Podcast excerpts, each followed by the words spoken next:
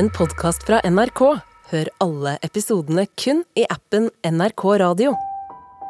Jeg syns det var romantisk under den eh, vielsen eh, at de ikke sa 'til døden skiller det rad', men at de sa Og husk at dette, at, eh, dette er et løfte med tyngde, så gjør deres beste. Det er akkurat som at da kan jeg ta det mer på alvor. Fordi det mener jeg jo. Så jeg mener jo ikke at den eneste andre muligheten til at vi skal gå fra hverandre, er for at vi skal dø.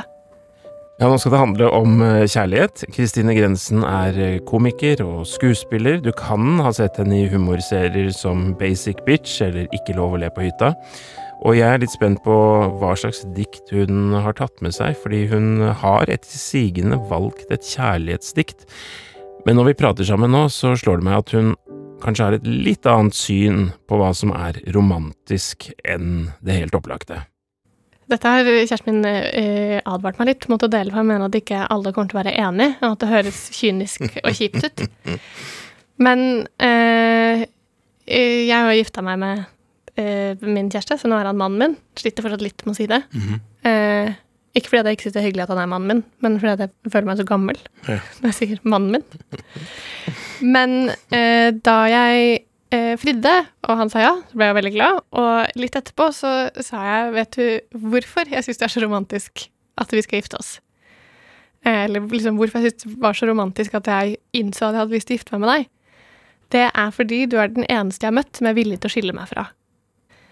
Å gifte seg er jo veldig lett. Det var jo veldig hyggelig, på en måte. Eller det var ikke lett, det var utrolig kjedelig å planlegge bryllup. Men sånn, det er jo bare fullt av gode, positive følelser. Sånn forelsk, det føles jo som en forlengelse av liksom forelskelsesfasen. Men, eh, men jeg er villig til å gjøre det komplisert å gå fra deg. Fordi at eh, jeg tror at vi kan liksom Det kan vi stå i, på en måte. Jeg tror uansett hvor sånn ja, jeg, jeg tror at vi kommer til å klare å snakke sammen uansett hva som skulle skje i livet vårt. Og jeg kan se for meg at selv i en skils- skilsmissesituasjon så kommer vi til å ha det bra med hverandre.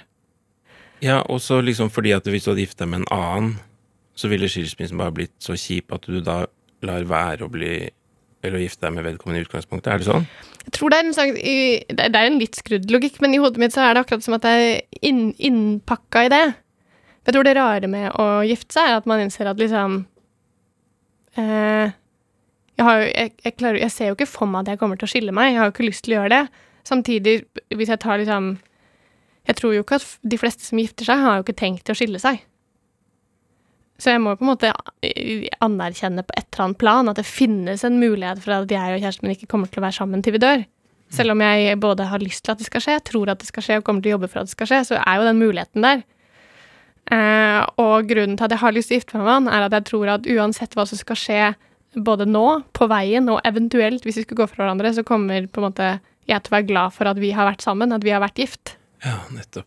Altså, kjærlighetserklæringer kommer i mange former, og den her var jo nydelig. Ja. Det var ikke kynisk, det. Nei da, men han, han bare mente at jeg ikke burde si det i bryllupstalen. Ja. ja, ikke sant. Så da gjorde jeg ikke det. Man skal ikke snakke for mye om skilsmisse. Det ordet skilsmisse har en litt sånn spesiell klang i et bryllup. Ja. Hva er det du har med? Eh, jeg har med Jeg kan nesten ikke si navnet på det for deg, for da er vi halvveis inn i diktet. Oh, ja, sånn det er kort. Det er veldig kort. Mm. Så jeg bare leser det. Mm. Jeg skal holde deg til du sovner. Hva om jeg ikke sovner? Jeg skal holde deg. Dette har jeg hørt før. Mm. Et dikt av Nils Øyvind Haagensen. Mm. Veldig kort og fyndig. Ja.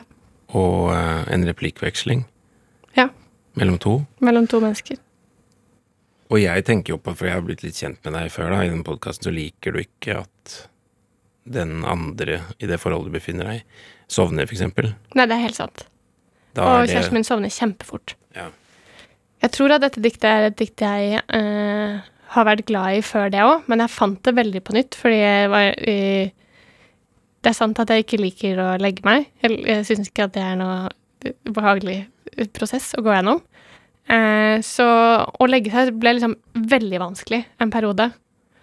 Og da eh, Som i søvnproblemer, liksom? Eller? Ja. Og både, både det at jeg sleit med å sovne, men også bare at jeg likte ikke å sovne. Jeg syntes det var en ubehagelig prosess. Og eh, da hjalp det meg utrolig mye at eh, kjæresten min av og til eh, holdt seg våken til jeg sovna. Uansett når det var, liksom. eller og jeg eh, Og det kan jeg fortsatt gjøre når jeg syns det er skikkelig vanskelig. Så har vi en sånn åpen avtale på at jeg alltid kan vekke han, og så er han bare våken. Og da er det liksom akkurat de tankene med sånn hva om det aldri kommer til å funke? Tror, og det gjelder jo ikke egentlig bare i en så spesifikk situasjon, men til alle som man er glad i. Sånn 'Jeg skal være her for deg, men hva hvis jeg aldri blir be... Hva hvis dette er en evig sirkel, liksom? Hva hvis det ikke kan fikses?' Og at noen ikke sier sånn 'Selvfølgelig kan du fikses', men bare sier sånn 'Da skal jeg fortsatt være der'. Det syns jeg er veldig, veldig rørende. Veldig fint. Nei, men det, det var nydelig, da. Jeg skjønner jo at du satsa på han fyren der. Og jeg kommer ikke til å skille meg fra altså. Jeg gjør ikke det. Nei, men jeg jeg på om det. Nei, men dere påhviler vel deg en liten forpliktelse på det å ikke misbruke altså det der kortet du har, at han kan være villig til å holde seg Du kan vekke han, og han kan holde seg våken for deg, eller til du sovner. Det må du Det kan ikke skje fem ganger i uka. Nei. Nei. Og så skjedde det jo Hva hvis jeg ikke sovner? Jeg sovna jo alltid, på en måte. Men bare vissheten om at det, det ikke er et krav for at man får hjelp. Mm. Jeg tror også at, eh, at jeg etter hvert så eh, Jeg tror aldri at jeg var så veldig redd for å misbruke det, men jeg tror at jeg var redd for at han skulle gå lei før det hadde effekt. Og så gikk han ikke lei, og så eh, hadde det effekt. Jeg, jo, jeg syns det er lettere å sovne nå, på en måte. Jeg kom meg litt gjennom den kriseperioden, og det var jo mye fordi at han Og én ting er at han gjorde dette veldig spesifikt, men han, ellers i livet òg. Og det er jo, det minner jeg meg selv også på i andre settinger. At det er noe veldig deilig når folk eh, ikke skal hjelpe deg med problemene dine, men bare være der når du har de. Mm. Og så er jo hjelp også veldig fint, men å bare Det tar vekk veldig mye av det presset på at man må fikses. Altså at ikke folk er der midlertidig for at det skal slutte å være sånn, men at de liksom er der fordi at det er de. Ja, det er skikkelig fint. Og så er det sånn, hva er balansen der da, mellom at man bare får lov til å ha de problemene man har, og at man ikke tar tak i det, liksom. Det er sånn Mm. Det er ikke så, det er ikke så godt å si akkurat hvor den grensen går. Nei. Men jeg tror jo jeg tror at de fleste av oss har jo lyst til å ta tak i problemene våre. Eh, men eh, jeg, ja, jeg tror de aller fleste Også kanskje Det finnes selvfølgelig situasjoner hvor man trenger et eh, dytt i en eller annen retning, men at i det store og det hele så, så eh, får vi fortere effekt av de tingene vi gjør, når, eh, når man ikke føler at tiden er i ferd med å renne ut. Når vi ikke har dårlig tid på å løse de, men at eh, det tar den tiden det tar. Mm. Og jeg tror det er det, liksom Jeg skal holde deg uansett. Det rommer på en måte det. Mm. Det er jo ekteskapsløftet på en måte, det der, da. Ja. Diktet er jo det. Ja, faren min leste det i bryllupet vårt. Hva sier du det? Mm.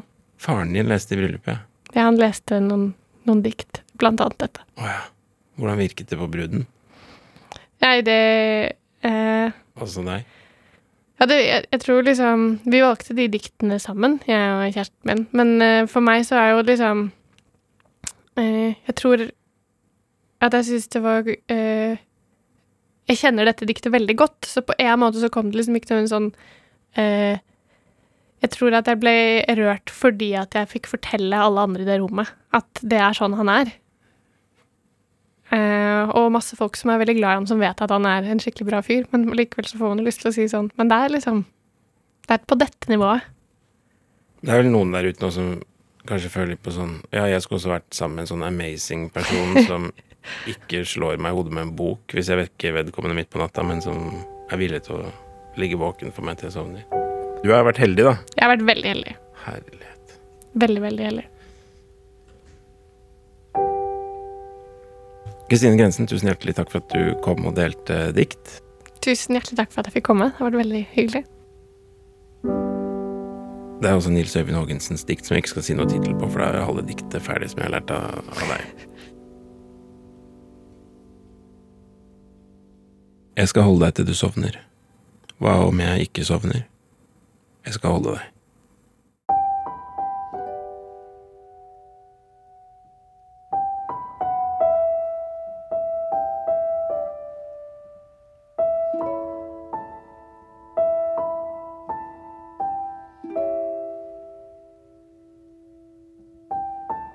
Du har hørt Kristine Grensen dele et kjærlighetsdikt av Nils Øyvind Haagensen. Og hvis du kunne tenke deg jevnlig påfyll av dikt som betyr noe for eh, gjestene mine og meg, så oppfordrer jeg deg til å trykke følg i NRK Radio-appen.